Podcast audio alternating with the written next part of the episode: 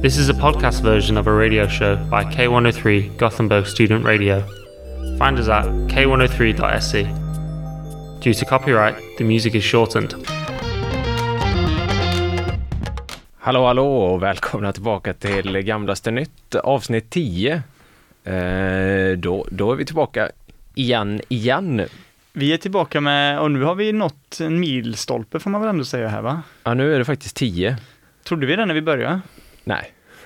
Nej, fast jag hade ändå på känn att vi faktiskt skulle, liksom, att det skulle bära så här långt åtminstone. Mm. Ja men, eh, ja, ja, men lite, lite stolt, stolta borde vi Ja, vara. men det, och ni, ni då, om man har lyssnat på alla tio avsnitten, då borde man ju få någon sorts belöning av oss, likt vet, så här Patreon-poddar eller Ja, Patreon-shower just har ett sånt där, om du donerar 25 dollar i månaden så får du detta och detta. Vad ska vi ha för tio, för att om man har lyssnat på alla tio avsnitt? Eh, då får man eh, man får ett- elfte avsnitt kanske. för att eh, nästa avsnitt kommer vara en julspecial. Woo! Stort avslöjande här. Ja, Det blir julspecial i år. i jul. Ja, i jul. Till jul, lagom till jul. Vem hade kunnat tro det? Nej, ingen. Nej, men i alla fall, så nu är det det tionde medelsvåra avsnittet. Ja, egentligen har vi gjort helt fel för att vi skulle egentligen ha börjat säga svåra avsnittet när vi kom över avsnitt 10, för det är då liksom verkligen allting sätts på prov om vi kommer liksom fortsätta med det här långsiktigt eller inte. Ja, De tio första är ju lätta. ja faktiskt. Men nu är vi här och vi är piggare och mer alerta än någonsin. Det hör jag på din röst. Det studsar i rösten idag. Jag har bara väntat och väntat och väntat och väntat. Eh, vi, ska vi rivstarta här? Eh, Både jag och Rasmus har nyligen lyssnat på eh, Fördomspodden igen, han är tillbaka. Ja. Eh, men, eh, Som vanligt. Fan vad mycket gratis reklam man får.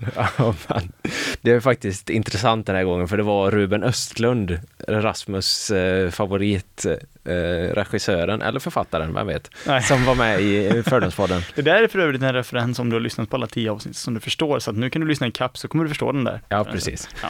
Eh, nej, så Ruben Östlund var med i Fördomspodden. Eh, mycket spännande tänker man eh, när en sån som kanske utifrån man har mycket fördomar om att han skulle vara ganska pretentiös och lite svår. Mm.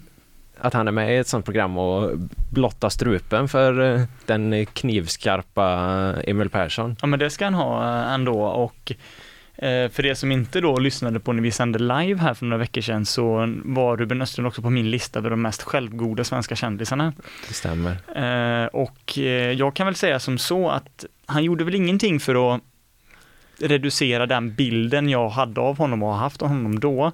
Men han gjorde heller inte speciellt mycket för, för att förstärka den måste jag säga.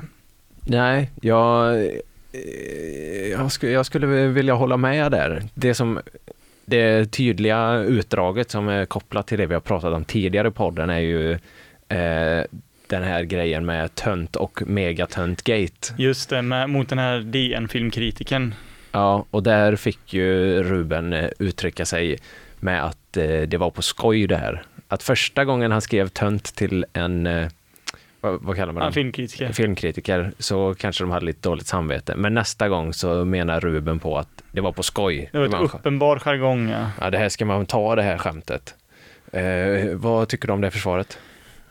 Ungefär, alltså jag hade ju, jag spekulerade ju att jag trodde att de skulle säga att det var någon typ av sån här installation för att liksom testa Ja. gränserna mot kritiker och så, och det fick jag ju lite fel även om han visserligen sa då, och det vet man ju om man har lyssnat på det här avsnittet, men att han sa någonting att ja men samtidigt gillar jag att testa gränserna mot filmkritiker. Han sa inte det i samband med det, men han sa det vid ett Ja, annat tillfälle. Eh, men jag tycker väl att det är, alltså han säger ju i det här att, att han, han försöker ju downplaya det som att det bara är liksom sån här skitgrej. Han sa väl till och med det att det är jävla pissjargong, inte piss men någonting i den. Ja, men samtidigt så hör man ju på hans röst när han då bränner tillbaka där och säger att han är en supermegatönt. ja. För att, han gör, för att han gör sig själv till ett offer den här filmkritiken. Mm, Och jag kan förstå var han kommer ifrån med det.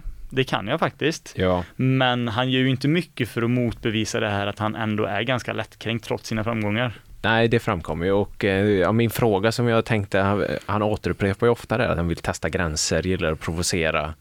Eh, att kan man skylla allt risigt beteende på att man gillar att provocera och pusha gränserna? Är det liksom, kan han komma undan med vad som helst? Alltså på ett sätt så känns det ju som att han kan det. Jag blev faktiskt positivt överraskad för att så här tycker jag det är med Ruben Östlund. Han, han gör ju en grej mycket i media och sånt när han väl är med i media länge. Då vill det vara längre intervjuer och sådär. Eh, och då framstår som, han ju som väldigt frispråkig och öppen, tycker Ja. jag. Speciellt den eh, intervjun med, i Café för massa år sedan som de nämnde i podden att Emil intervjuade han. Mm. De satt och drack bärs och sprit och så här, du vet, det var så här lättsamt och bra. Den, var, den intervjun är jättebra, den har jag läst för länge sedan. Men jag tycker att jag tycker ändå att Emil var inte lika mycket medhårs på han som jag trodde. Nej, men det var han inte. Han var ju ändå på han och försökte få ut det. Man märkte ju att de var vänliga såklart, alltså privat. Oh ja, Men oh ja. eh, jag tycker ändå att jag tycker inte att man borde kunna komma, komma undan med det, det försvaret till allt som han gör.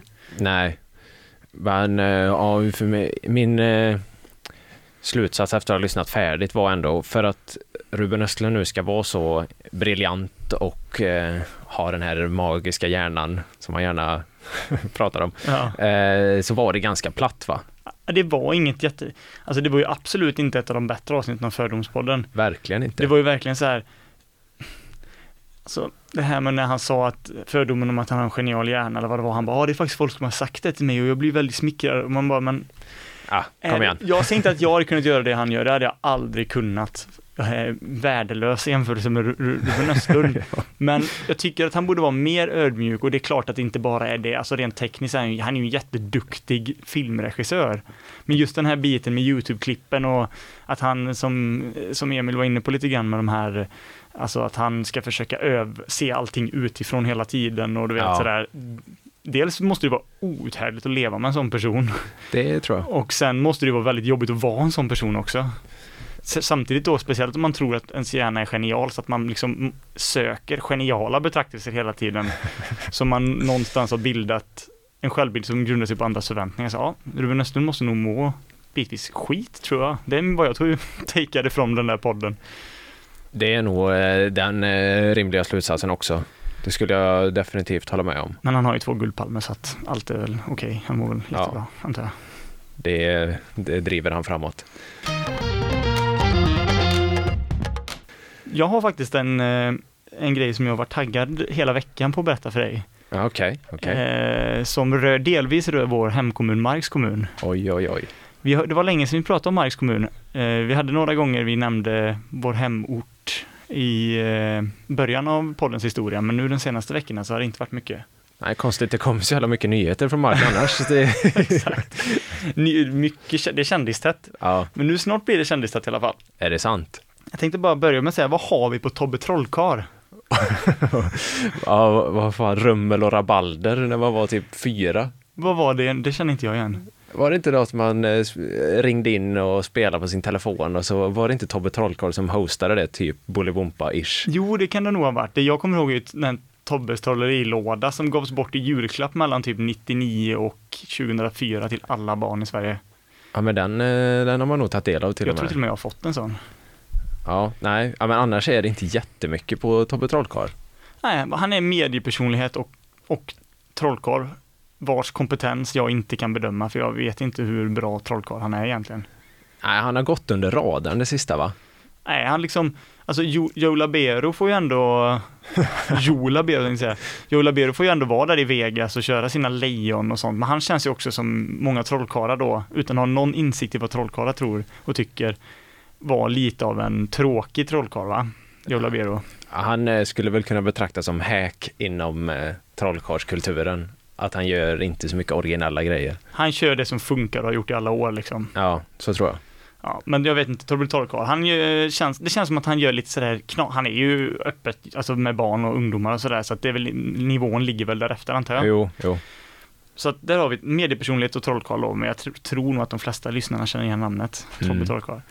Men i alla fall, eh, han var nyligen i, i Borås, eh, uppträdde, om han, har han varit där än? Ja, jag tror att han har varit där nu vid det här laget.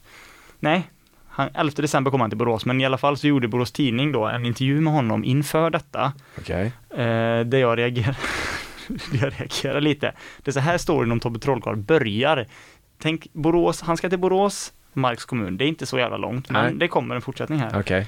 Eh, vi pratade också om i livepodden lite om, om självgodhet och idag tänkte jag prata lite om Tobbe Trollkarls självbild. Mm, mm. Eh, I den här intervjun då så, så får, han en, får han en fråga här. Eh, eh, bland annat liksom vad han har för drömmar då. Han har ju hållit på med det här med trolleri i många år och liksom varit med i tv och sådär. Och då reagerar jag på att han säger att det finns två grejer som han drömmer om. Han skulle vara med i en musikal, Ja. Inte jätteskräll va? Nej, men eh, också reachable för just han eller Ja, så. men det känns det som. Och sen så säger han också att han vill leda Melodifestivalen. Okej, där har vi nog en eh, mindre reachable eh, grej. Men nu får vi tänka att det här är en dröm. Ja, jo, att det är ju jo. inte orimligt att han har en dröm. Nej. Men sen i nästa mening då så säger han så här. Det känns kanske inte så långt bort, men samtidigt är det ingenting jag går och tror ska hända. Så i Tobbe Trollkarls värld så är det inte så långt ifrån att han ska leda Melodifestivalen. Nej, okej. Vilket är, ja, det känns som att från ut, utomstående perspektiv, det känns väl inte jättetroligt va? Tobbe Trollkarl. Nej, den, det tåget har nog gått va? Känns så, känns så, jag vet inte. Men då läste jag det här och tänkte, ja, ja, det, självbilden där känns inte, han känns inte så självmedveten kanske om hur bra han är, eller vad han har för reach snarare än hur bra han är.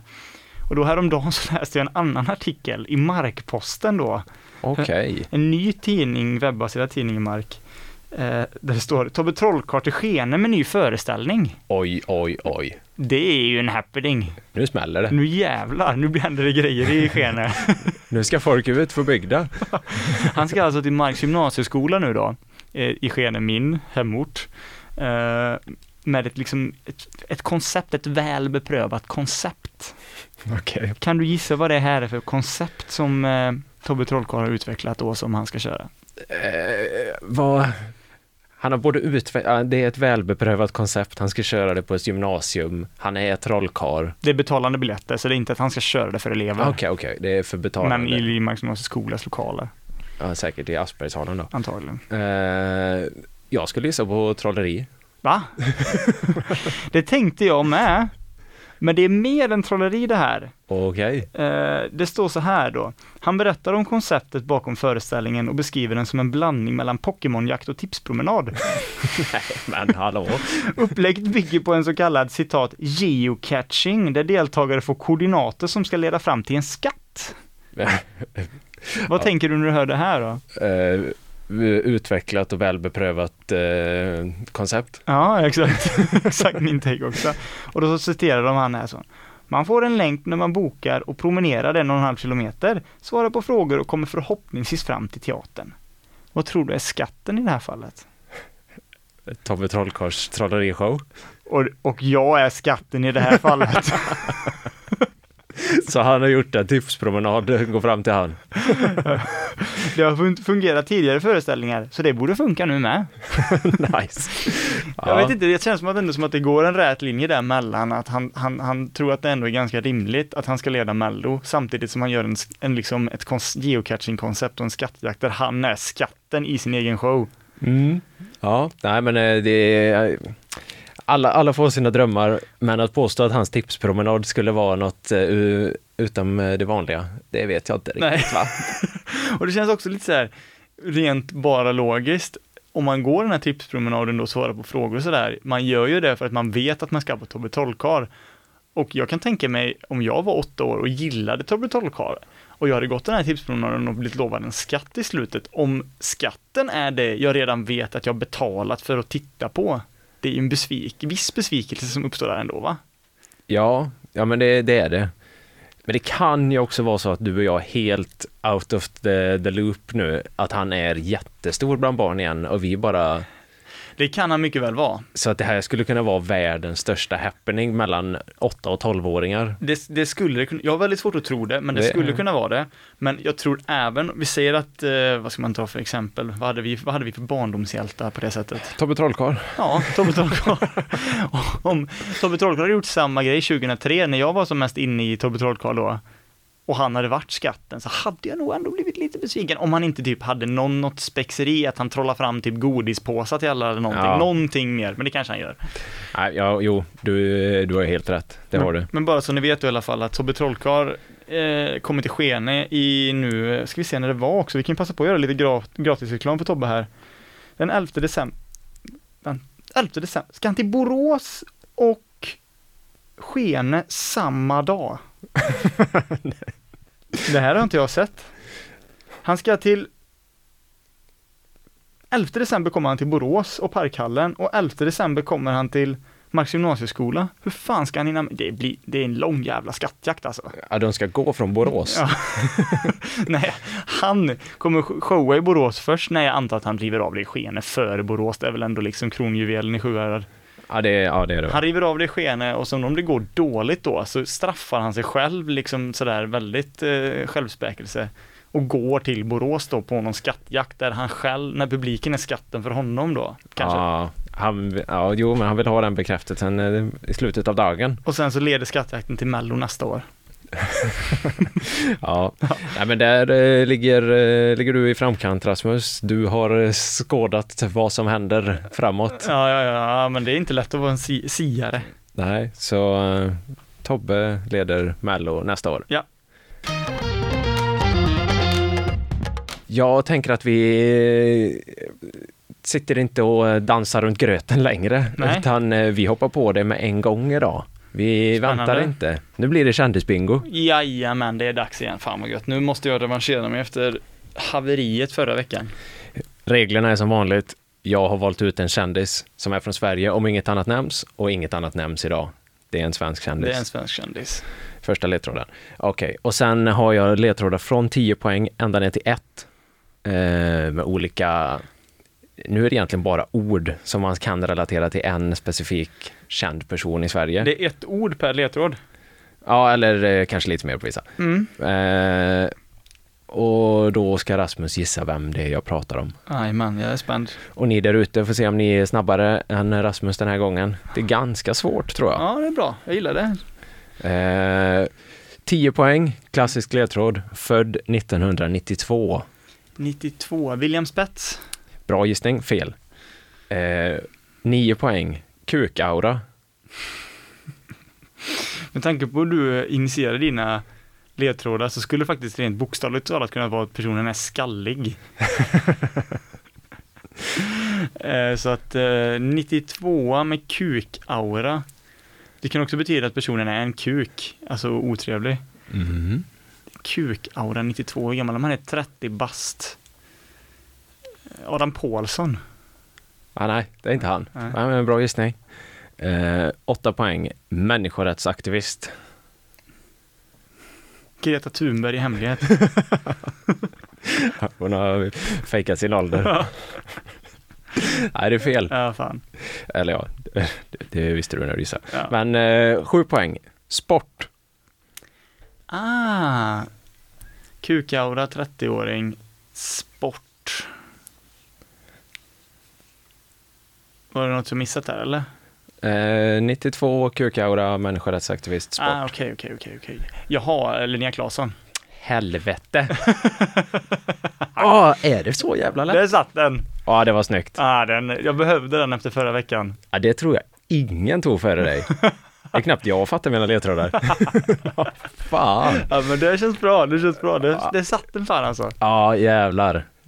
Ja, du har uppenbarligen stenkoll på den här. Du, jag kan säga det att eh, ett tag under pandemin så var mina algoritmer så jävla Linnea Claessonifierade så att det var helt jävla sjukt. Bra, men då kan du hänga med på eh, eftersnacket här för jag har förberett en hel del. Oh, mycket bra, mycket bra.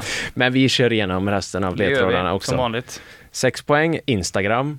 Ja, hon är känd från Instagram ganska mycket för sin eh, aktivism. Fem poäng, regnbåge. Hon har regnbågsfärgat hår. Fyra poäng, tummat på sanningen. Hon har ju varit i blåsvädret lite för att vissa saker som inte har kommit fram har varit helt sanna. Det får man säga. Tre poäng, godhetsknarkare. Ja, det talar ju för sig själv. Hon claimar ju gärna saker och vill vara väldigt god. Eh, två poäng, handboll. Ja, Det var ju den sporten hon spelade. det var det jag satte det på va? Ja, jag tror det. Fan, ja men det vet ju. Men det är inget top of mind alltså. Ja, Hon var ju utrikeskändis i eh, ett litet tag och spelade i Danmark. Hon var, ganska, var hon med i landslaget också? Ja, UVM och JVM Ja. vann hon, tror jag. Okej. Ja. Någonting sånt. Är, bara en fråga. Är det hon som är, eh, gör reklam på NetOnNet? Nej, det är inte va? Det är någon tjej som sitter i sådär... eh, Nej, det är inte hon. Nej, Nej, det är inte hon. Eh, Och så ett, Rövhål online.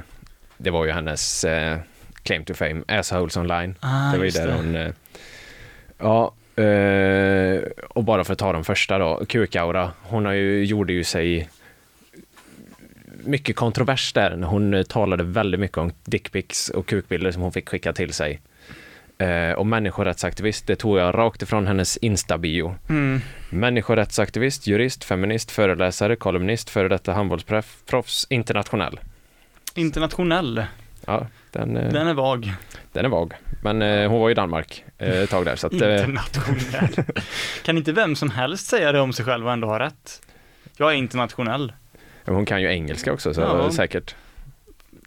Man- Egentligen kan man ju säga att om man har varit utanför Sverige, att man är internationell då, eh, antar jag. Eller vad menas med, med det begreppet? Eller international kanske. Ja, hon är gång, hon antar att hon menar att hon är gångbar internationellt. Ja, det är gött att vara gångbar. ja. Eh, ja, eh, nej men Linnea Claesson, hon har ju gjort väldigt mycket under sin eh, livstid, under sin karriär. Vad säger jag, 30 år och redan och det snott finns, plakat. det finns många små, vad ska man kalla det, karameller som utifrån sett är väldigt roliga och knasiga. Även om det är kopplat till ganska hemska och så, hemska ämnen. Eh, så eh, vill du berätta, har du någon favorit Linnea Claesson eh, happening? Har jag någon favorit Linnea Claesson happening? Ja men det är väl eh, den här plakatgrejen antar jag när hon eh, gjorde, blev väl, alltså att hon gick på en eh, manifestation eller en manifestation är nog fel ord, en demonstration snarare. Och typ poserade med ett plakat då där det sen kom fram, nu kan jag ha lite fel, men det, det, nej det här är rätt, det kom fram att hon hade bara tagit det här plakatet av någon annan. Det var inte hennes plakat, sen kanske hon var på demonstrationen, men hon hade bara poserat med någon annans plakat. Eh, Och jag tror att det var så att den här personen som, som exposade henne och skrev att, att det var hennes plakat. Ja, det, det är ändå starkt. ja, men den kommer jag ihåg att hon eh, liksom gick till en demonstration, tog ett plakat, eh, tog ett kort, gick hem, ish. Ja, så såg det ut typ, utifrån, ja. men man vet ju inte exakt Nej. vad som hände. Men Nej. man kan spekulera. Jag var inte där, så, eh, så i alla fall, så hon gjorde väl bättre, mer en större insats än vad jag gjorde antar jag. Det gjorde hon. Ja, eh, ja och eh, men det som jag tänker är mest intressant, det är ju hennes eh, Instagramkonto Assholes online. Hon tuffar på med det fortfarande? Eh, Nej. Nej, nu har det varit väldigt dött på grund av. Eh, det var ju ett stort gräv som haveristerna gjorde, en podcast med tre profiler, eh, där de eh, grävde fram stora delar av det contentet som- som Linnea lägger ut, att eh, mycket av det som lades ut är väldigt troligt att det är fake. Okej. Eh, och eh, exempelvis kukbilderna som hon maskerar då, som har lagt Ah. ut, att eh, många av de kukbilderna går att härleda till eh, gayporrsajter, att de finns, fanns liksom ute i etern. Nej, det där är så pinsamt. Alltså jag tycker, jag tycker nästan synd om henne. Alltså det, det gör jag inte, men jag tycker nästan synd om henne för att det måste ju nästan vara någon sjuklig böjelse då att hon har blivit, hon har blivit, hon känner att hon som person har blivit så mycket det där att hon är beredd att göra vad som helst. Det, det, det låter som att det är typ hennes enda sätt att få liksom självbekräftelse. alltså bekräftelse. Ja, nej, det är såklart att det är fruktansvärt. Och om man vill läsa så googla på eh, haveristernas granskning av Linnea Claesson så får ni se mycket annat. De, har även eh, massa printscreens där det går att tyda att hon eventuellt har skrivit vissa av de här elaka kommentarerna till sig själv, från sig själv och sen svarat sig själv med något spydigt för att sätta dit dem och sen lagt upp det som att någon det till henne. Ja, ja, ja.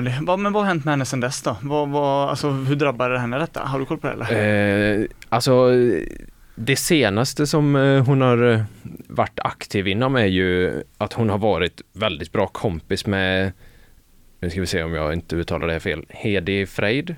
Heidi Frid. Har hon varit det? Eh, alltså... Det där är ju så pissigt för nu, Ja, men- nu kan jag ingenting om deras relation men det känns ju också som en sån här Istället för att plocka upp plakat så plockar hon upp en eh, 98-årig förintelseöverlevare. Ja, det, det var min första ingång så jag försökte ändå med göra lite, lite research den här gången och inte bara pissa på det här. Nej, okej, För jag bra. kände exakt detsamma att hon hade claimat henne också. Men deras relation går faktiskt att spa, spåra tillbaka fyra år tillbaka på hennes Instagram. Och hur? Och då har de mötts och gått tillsammans i Pride-paraderna och haft det varit flera bilder där de interagerar med varandra i alla fall. Mm. För jag reagerade också så när den här eh, förintelseöverlevaren dog ganska nyligen.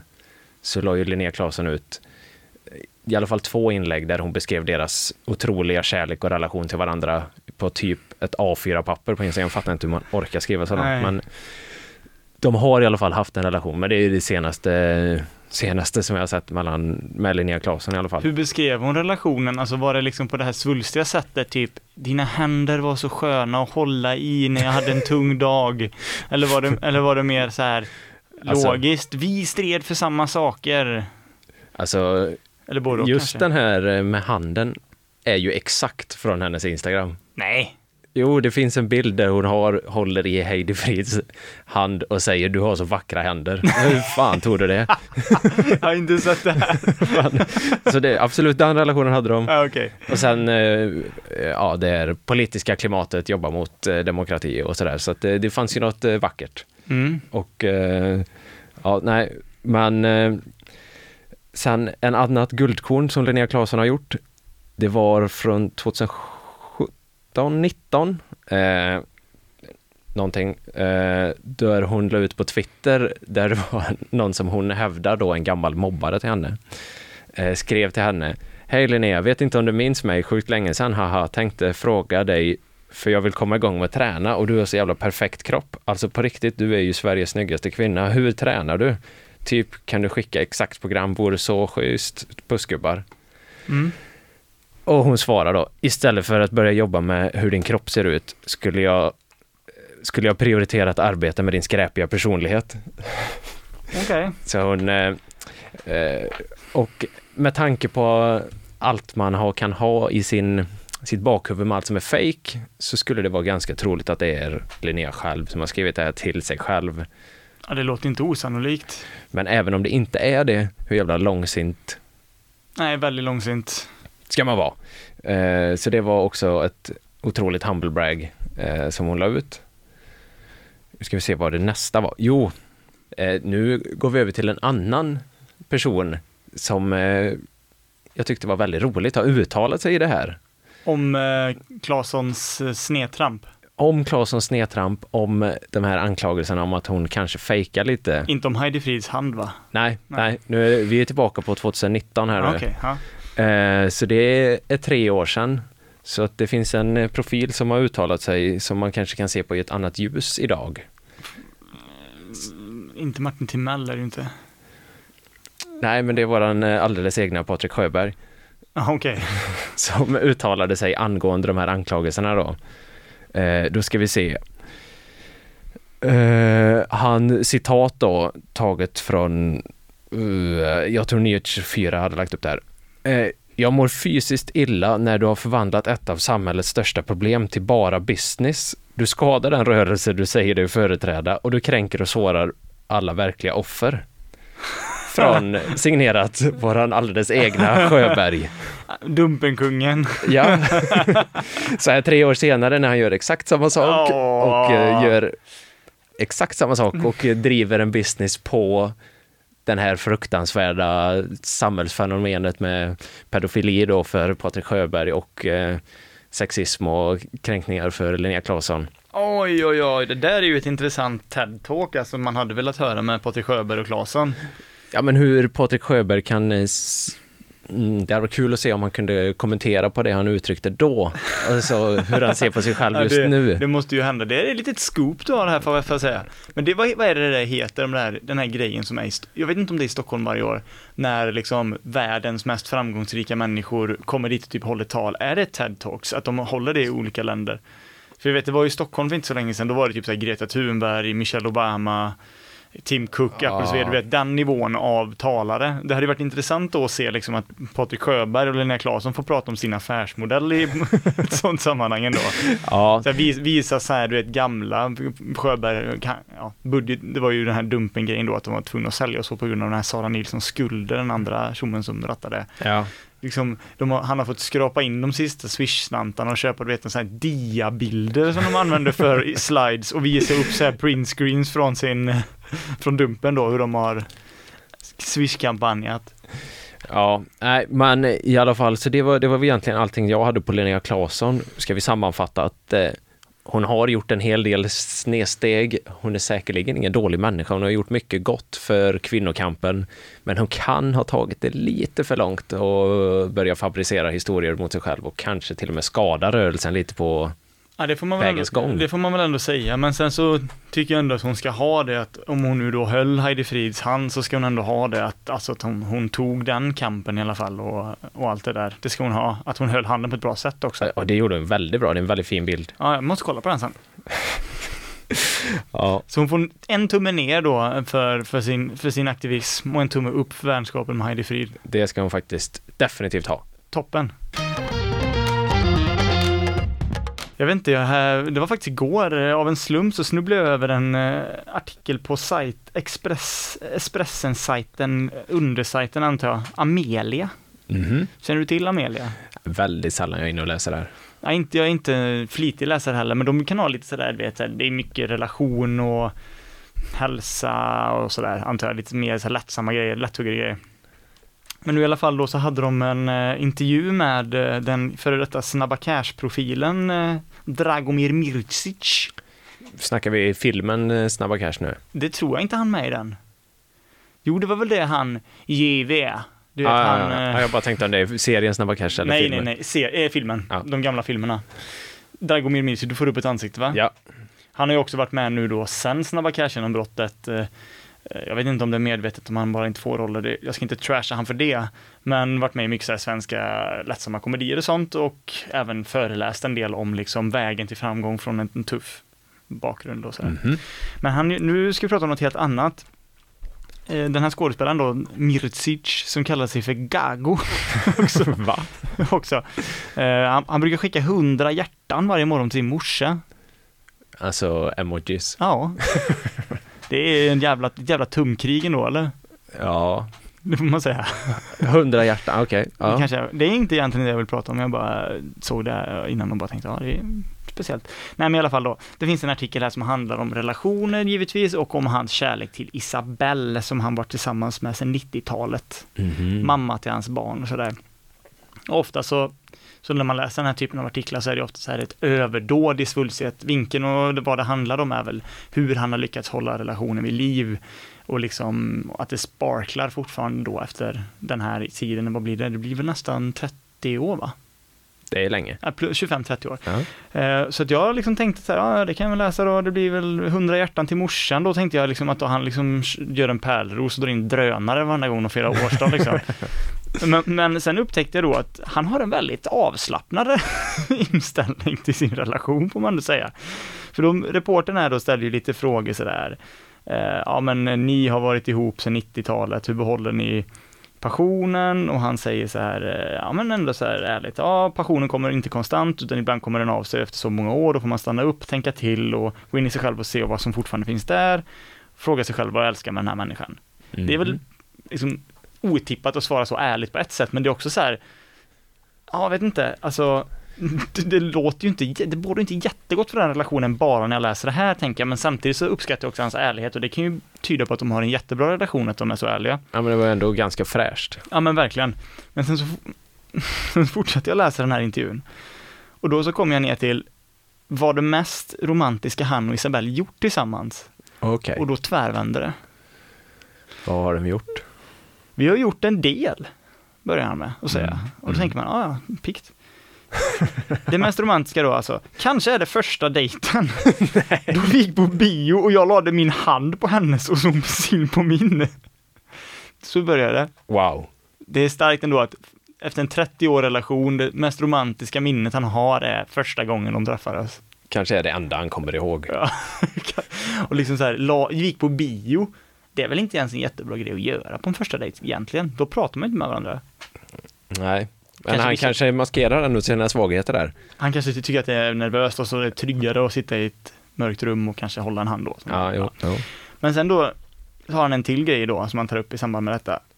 Och det är då att det var också väldigt romantiskt när jag var i London och filmade Tom, med Tom Cruise och Isabelle kom över utan barnen och vi fick lite egen tid. Ja, Tycker du att det låter jätteromantiskt att han att han, att han liksom, han måste säga då att han var i London och filmade med Tom Cruise. ja. Då kom hon över till han där och eh, utan ungarna och så fick de spendera lite egen tid. Ja nej, han, var, han kunde inte bara, nej, han kunde inte komma på någonting där han och hon har gjort någonting själva, utan det var ändå Tom Cruise. Ja, det är ju Tom Cruise, det är, det är ju Tom Cruise som är det romantiska minnet i det här scenariot, det är ju inte henne. Nej, I så fall hade han sagt, ja ah, det var så mysigt när vi var i London och gjorde det här och det här, utan det är när han filmar med Tom Cruise som är det andra då utöver första dejten som är Ja. det mest romantiska. Och det kände jag ju så här, okej, eh, ja, de har väl ingen toppenrelation, han och Isabelle. Och då så, så frågar de så här, helt rimligt då, är du en romantiker? Nej, det skulle jag inte säga, säger han då. Okej, Dragomir, vi förstår. ja, jo, jo, nej. Och det här är också hans bild. Jag är inte den typen som skriver dikter eller köper blommor. nej, men han skickar hundra hjärtan till sin mor och mamma. Ja, då, då liksom, när jag läste det här då, han lagar gärna en romantisk middag och sådär, bla bla bla, okej det, det kan man ändå köpa, det kan ju vara härligt att göra till sin partner. Ja. Men då när jag efter det här tänkte jag, ja ja fan, Isabelle hon blir inte, kanske inte superduper pigg när hon läser den här artikeln om hon nu gör det. Och sen gjorde jag exakt samma analys som du gjorde. Han kan sitta varje morgon och trycka på en hjärt-emoji till sin morsa. Men han kan inte komma på ett mer romantiskt minne än när han filmar med Tom Cruise i London tillsammans med sin, med sin sambo som, han är, som är mamma till hans barn och som, de, som han har varit ihop med i 30 år.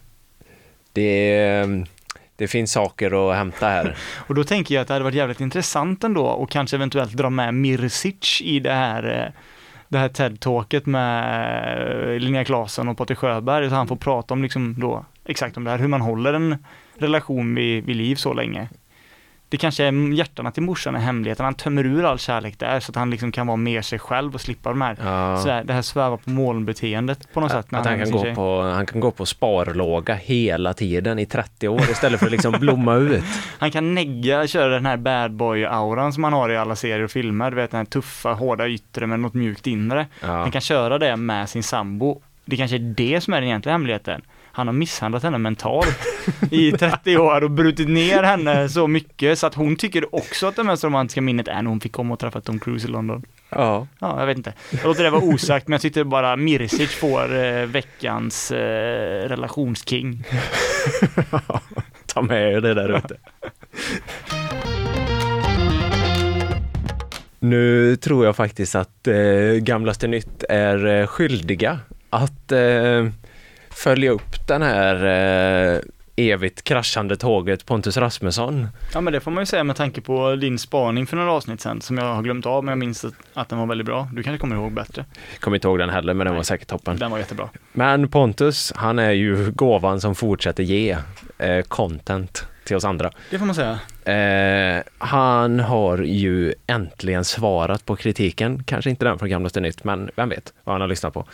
Eh, så nu har han äntligen uttalat sig i ett medium då. Och till allas förvåning, till eh, när en person ska, ja, det handlar ju mycket om det här, hans eh, sexuella Böjelse till barn. Ja, Nej. precis. precis. Eller eh, teorin om dem. Ja, ja, teorin om den sexuella böjelsen till barn. ja, vi vill inte bli fångade här. Jag kommer till det sen. Ja. Eh, I alla fall, han valde alltså att uttala sig i Lillaktuellt, naturligtvis, om man nu ska försöka få bort den här synen på att man är barninriktad. ja, jätte, det är smart. Ja, Lillaktuellt är ju dit man går. Alla vuxna, det var ju samma... Det finns ju flera personer som har varit, typ, ja, vi har varit i drev som tänker att jag tar det i Lillaktuellt. Ja, ja det, är, det är dit man går. Absolut, jag håller med. Bra Pontus. Det är ju där de riktiga journalisterna är, det är ju sedan gammalt. Ja, ja absolut. Tittarna för förstår ju vad man säger med. Fotograferna i bakgrunden, bakgrunden måste enligt kontrakt stå och äta popcorn samtidigt som de filmar. Ja, nej, men det var faktiskt en vuxen människa på Lilla Aktuellt. Det finns ju. Hade hon också klätt, klätt ner sig på, eller sminkat ner sig på ett sätt som hon såg ut att vara 14 som Pontus Rasmusson för att mötas i det här. Det kan ju vara en intervjuteknik tänker jag. Eh, ja, det kanske hon hade gjort. Nej, jag jag, jo, jag, ah, jag minns inte hur hon såg ut men antagligen inte. Nej, jag tyckte hon såg ganska vuxen ut, så så- det var nog inga konstigheter där. Nej, hon mötte han eh, på ett annat sätt ja. Eh, eh, ja, eh, så nej, det är inte rimligt att han nu väljer att uttala sig i Lilla Aktuellt, men det är inte heller rimligt att uttala sig som han gör i Lilla Aktuellt. Eh, jag har eh, sparat en liten eh, ljudklipp här som jag tänker att vi kan spela upp i cirka fem sekunder. Direkt eller? Ja, Ja, men då kör vi här. det är väldigt kort här, men det är väldigt talande. Det här är alltså då Pontus Rasmusson om kritiken om att flörta och prata sex i Lilla Aktuellt. Jag skulle aldrig bli tillsammans med ett barn. Eh, Men sen så dessa barn kan ju växa upp och kanske då vill jag bli tillsammans med mig. Så. Eh, vad säger vi om den här lilla guldkornet? Jag säger väl eh, att han är en mästare på att känna sin målgrupp som uppenbarligen vill ha honom. Ja, han håller alla dörrar öppna. Eh, det finns såklart jättemycket kontext och om man vill ha den kontexten så kan man gå in på Youtube och söka på Pontus Rasmusson, uttala sig om, Kritiken att flörta och prata sex. eh, så det var ett av svaren på frågorna.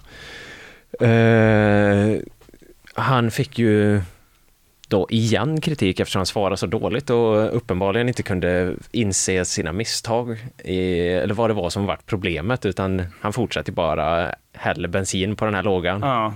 Eh, men eh, då la han sedan ut på sin, sin Insta-stories, jag vet inte om du läste det här? Kan ha sett det, men eh, läs upp det. Eh, eller ja, vem vet om det var han? För på Insta-stories så står det Ah, jo. Vi vill bara informera och förvarna att vi drev det tyvärr många som rör sig mot förtal. Vi kommer att se över samtliga inlägg, kontakt och yttrande överallt som vi tar del av.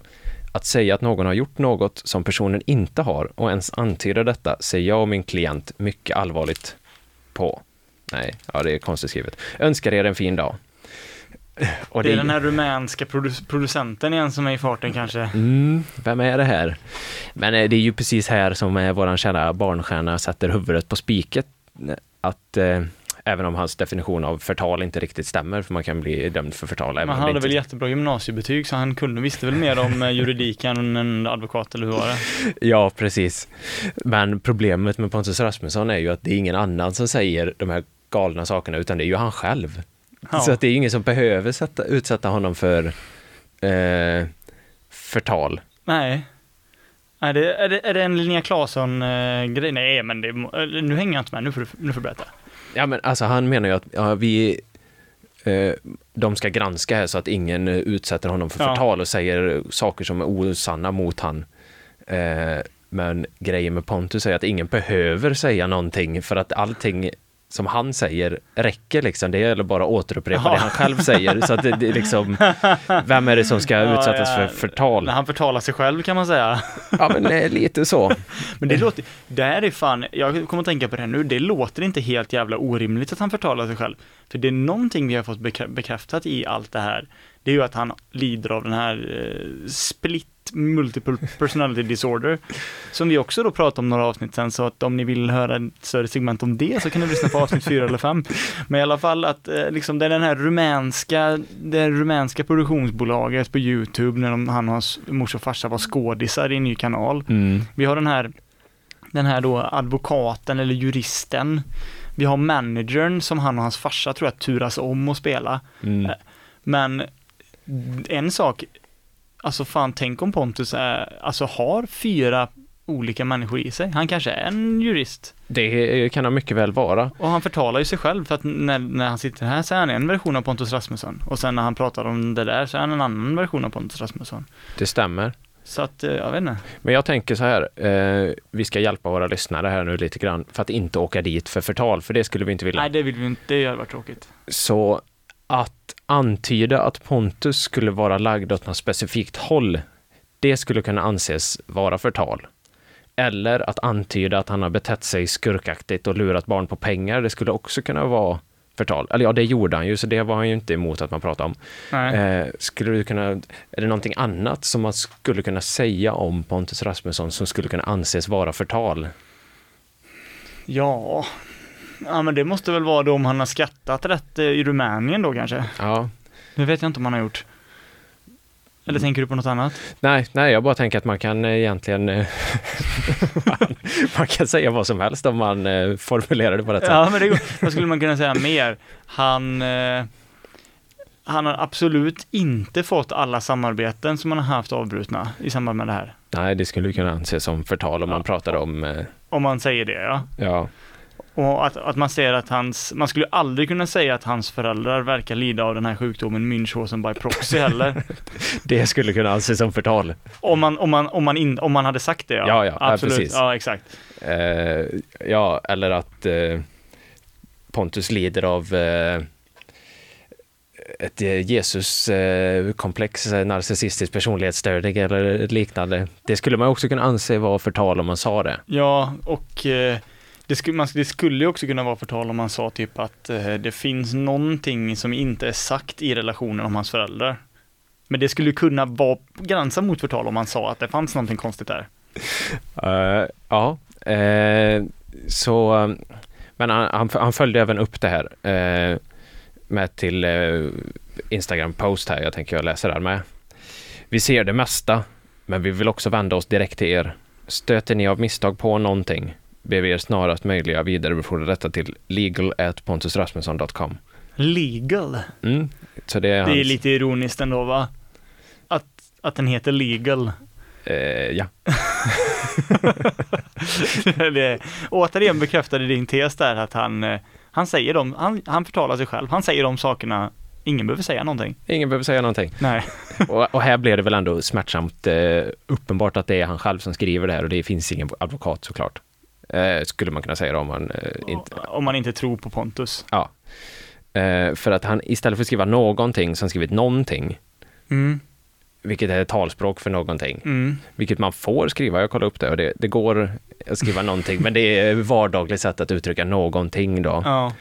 Eh, så att om det är en advokat som skriver på ett vardagligt sätt på det här sättet så skulle han ju kanske behöva skaffa ett nytt legal team Ja, det, eller skaffa ett legal team överhuvudtaget. eller så är det bara så jävla, han är så jävla bra på PR att han har bett sin advokat att uttrycka sig på ett mer vardagligt och barnsligt sätt för att bli förstådd med, i sin målgrupp. Fan, han är ett geni! Ja, han är ett jävla PR-geni den här jäveln alltså. Ah. Hans legal team då, som för övrigt består av Pontus, Pontus mamma och Pontus pappa. Alltså jag hade ju velat se, alltså det, jag hade ju velat se en eh, biopic om hans liv alltså. Eh, 100 procent. Jag hade betalat, till och med Ruben Östlund hade nog liksom gått och sett den på bio tror jag. Eller han är en bioälskare. Men frågan är vem, vem är som sämst bioälskare? Men det, kän, det, känns som det känns ju som en film som till och med han Ronny Svensson i Nyhetsmorgon skulle Ja, för sig, han hyllar också allting. Men den, den mest kräsne hade gått och sett den och älskat den tror jag. Så hade vi haft typ William Spets som Pontus Rasmusson då någonting.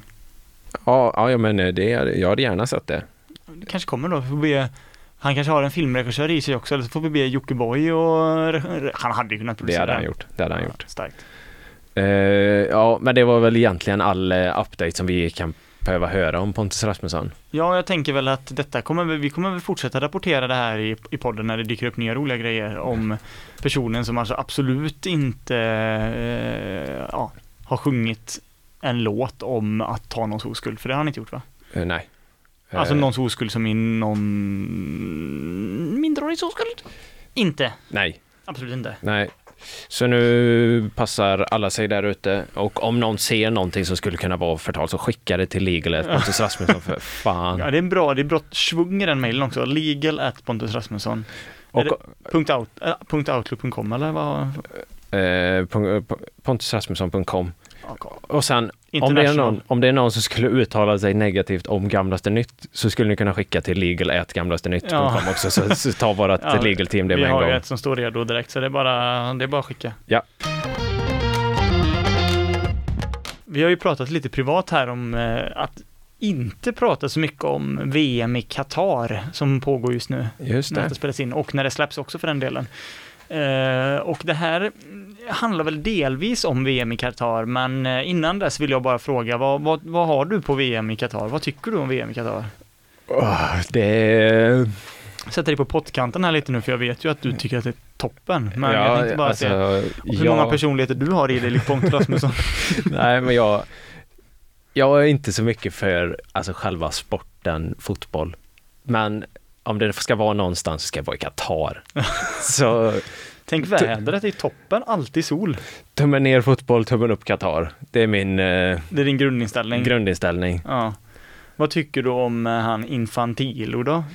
Jag trodde, jag, jag var näst, jag tänkte nästan att det var han när du sa kuk, eh, kukaura innan. Ah, ja, jo, han ser lite ut som en. Eh, nej, men eh, toppen också. Guldgubbe. Guldgubbe. Ja, absolut. Någon som vet vart, eh, någon som vet hur man eh, talar. Han är talförd och han är bra på an, sådana här, vad heter är det, analogier det heter? Talanalogier eller sånt där. Jag kan uttrycka jag kan mycket väl ha fel här, men han är bra på att kopiera Martin Luther King i alla fall när han eh, håller tal. Fast han byter ut orden lite grann. Ja, och eh, hans roll då är att han är eh, Ordförande i Fifa. ordförande i Fifa. Ja. President i Fifa kanske heter. President. Nej, president i Uefa. Jag tror, han är, jag tror det är ordförande. Skitsamma. Ja, med den jävla sekten så är de väl kejsare eller eh, ja, någonting sånt. Det finns ju ett Weinstein-gräv där på någon, om inte han, på någon annan i den toppen som kommer komma. Det kommer komma. Men i alla fall, jag ska bjuda in dig lite i den här världen då. Eh, Jag är väl ändå väldigt intresserad av fotboll skulle jag säga. Inte på en Erik Niva sån autistisk nivå, men ändå liksom på, på det är väl den sporten som är jag me- mest intresserad av och jag är ändå ganska sportintresserad. Mm. Eh, Så då finns det någonting som heter pandits. Känner du till det? Eh, Jag känner ju till begreppet, kan du bara...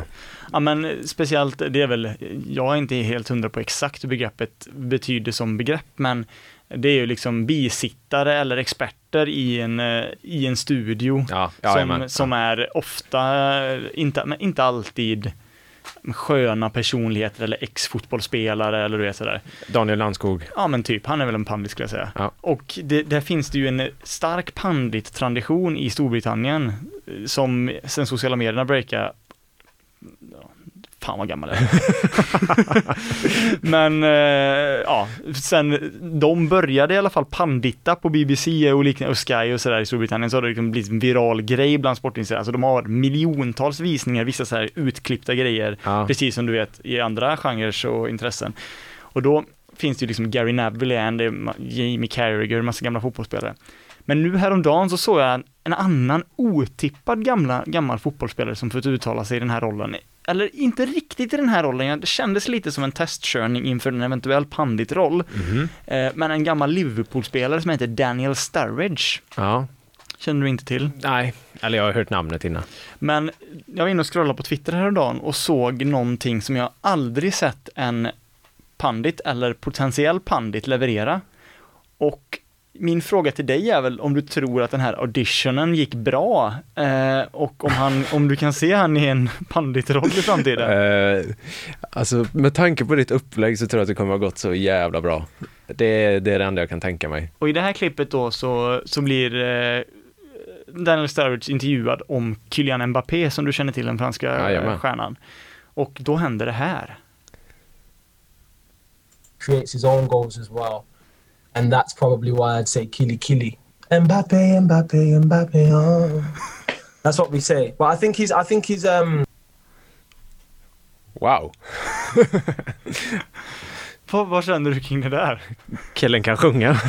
Mbappé, Mbappé, Mbappé, åh!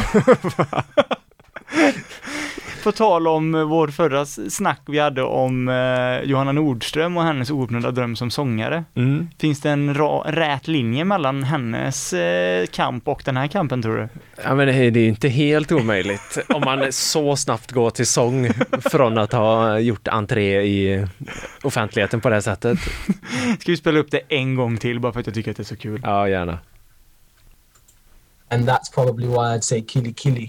Mbappe, Mbappe, Mbappe. Oh. That's what we say. But I think Ja, det är ju ett expertutlåtande som heter duga. Tänk, om, tänk om Daniel Nannskog skulle sitta i SVT och bara säga det att jag ser Cristiano Ronaldo, han spelar på gränsen ibland, men han är väldigt duktig. Han kommer ju från Lissabon, bun, bun, bun, bun, bun, bun, bun, bun, bun, bun, bun, bun, bun. Skulle det pigga upp eller pigga ner? Skulle pigga upp som fan, det gör ju det. Eller vilken genre skulle Nannskog riva igång? Alltså vilken typ av eh, liksom, passage skulle han, vilken, vilken gen- musikgenre trodde han skulle lina in till? Det här är någon sån R&B Sturridge är lite, lite så här R&B version va?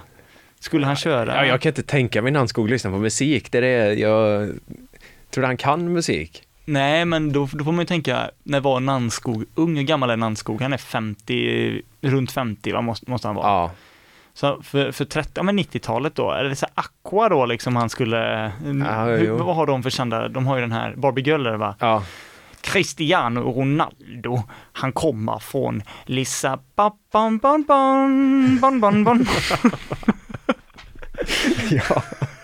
Det här, det, det hade ju blivit miljontals tittare på det här klippet. Ja, tänk vad viralt det hade blivit. Så Nannskog tar den här chansen nu och, och kör bara nästa gång i studion och tar efter Sturridge här. Du behöver inte, man behöver inte vara först med allt. Nej, man kan vara tvåa på han, Men eh, ja, det är ju toppentips. Ja, kör hårt Nannskog.